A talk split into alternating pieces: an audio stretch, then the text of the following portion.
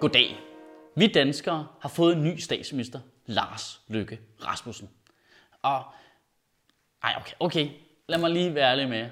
Det ved jeg faktisk ikke, om vi har, for vi har snydt. Det her det er optaget for over en uge siden. Så jeg ved faktisk teknisk set ikke, om Lars Løkke har lavet sin regering, og nu officielt er statsminister, eller om han stadigvæk skændes med Tulle om de der grænsebom. Så, så jeg ved det ikke. Så nu laver vi lige nogle forskellige starter, bare lige så vi er på den sikre side. Goddag. Danmark har fået en ny statsminister, Lars Lykke Rasmussen. Goddag. Lars Lykke har endnu ikke dannet sin regering. Goddag. Danmark har fået en ny statsminister, Christian Thulesen Dahl. Goddag. Lars Lykke er blevet fundet fuld i Nyhavn. Goddag. Lars Lykke er død! Goddag. Helle thorning Schmidt er anklaget for mordet på Lars Lykke. Goddag. Helle thorning Schmidt er død! Hun har kørt ud over en skræmt på Møns Klint sammen med Pia Olsen Dyr i en cabriolet efter en time lang biljagt. Okay, så er vi på den sikre side. Og jeg kan allerede høre ekkoet af folk, der spørger tilbage i tid. Men Michael, hvad er så vigtigt, at du ikke kan lave en aktuel tale, når der er regeringsdannelse? Det er der, fordi der er Roskilde. Vi, vi vidste godt ikke, det bitch så længe altså.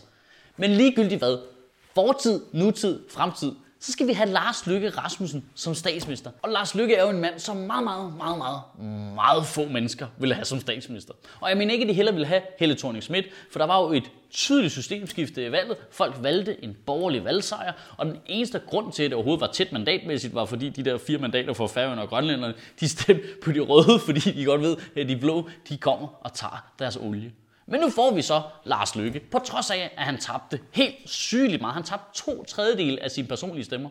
Der var faktisk flere mennesker, der stemte blankt, end der var stemt personligt på Lars Lykke. Altså at stemme på ingen var mere populært, end at stemme på vores tidligere statsminister. Venstre tabte 13 mandater. Det er ikke et stretch at påstå, at ud over de 19 procent, der stemte på Venstre, der vil de resterende 80 procent af befolkningen virkelig gerne slippe for Lars Løkke. Men det gør vi ikke. Nej, nu bliver han statsminister. Uhu, glædelig demokrati alle sammen. Ej, hvor er det fedt. Skal vi ikke angribe andre lande og give dem den her styreform, hvor ham ingen gider have som leder? Han bare bliver det alligevel. Og vi har jo egentlig snakket forbløffende lidt om Lars Løkke Rasmussen. Han får alt for lidt opmærksomhed. Og jeg skal blankt indrømme, at det er også lidt af min skyld. Fordi jeg kan meget bedre lide Lars Lykke, end jeg kunne lide Helle thorning Schmidt. Jeg er meget politisk uenig med dem begge to.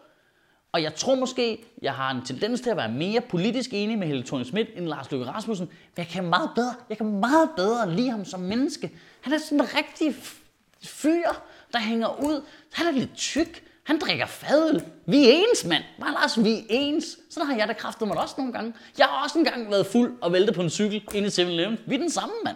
Men det er altså ikke det samme, som jeg synes, at han skal have nøglerne til statsministeriet. Jeg kender mig selv godt nok til at vide, at jeg ikke skal have noget ansvar overhovedet. Det dur jo ikke at have en statsminister, som PET er nødt til at hente ned på La Fontaine kl. 4 om morgenen midt i en beruset diskussion om dagpenge med to alt for unge kvinder den dag, der sker terrorangreb. Bare nødt til at bakke sig med i bil med han råber, ved du hvad, Stuart Mills største problem, det var, det var så fucking grim.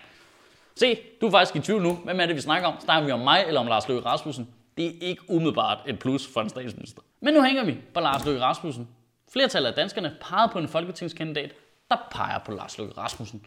Så nu skal vi have ham, og så er det så ham, der skal jonglere Dansk Folkeparti og Liberal Alliance, som jo har lige så meget til fælles som Peter Pedal og et lille stykke snus, eller, eller jeg ved ikke, hvem der er hvem. Det må jeg sætte i rummet.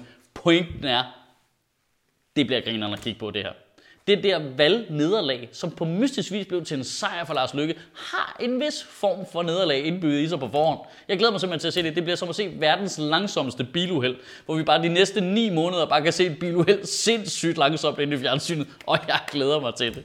Kan du have en rigtig god uge, og Gud bevare min bar. Ej, det eneste frygtelige ved at optage den her før tid, det er, at vi ikke ved, om Søren Pind er blevet udenrigsminister. For hvis han var blevet det, så havde vi da lavet en 20 minutter special om et året udenrigsminister. Du skal som altid huske at støtte vores sponsor Comedy Zoo. I hele juli måned er der Sues suveræne sommershow nede på Comedy Zoo, hvor der kommer forskellige rigtig gode komikere forbi.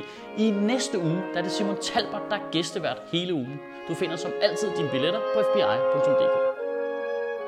Der var en gang, hvor du kunne stemme ud for nogle ting. I dag har du dybest set to valgmuligheder. Du kan stemme på dem, der fucker det hele op, eller dem, der ikke kan finde ud af at reparere det igen. Det er det. Men det, er, det er jo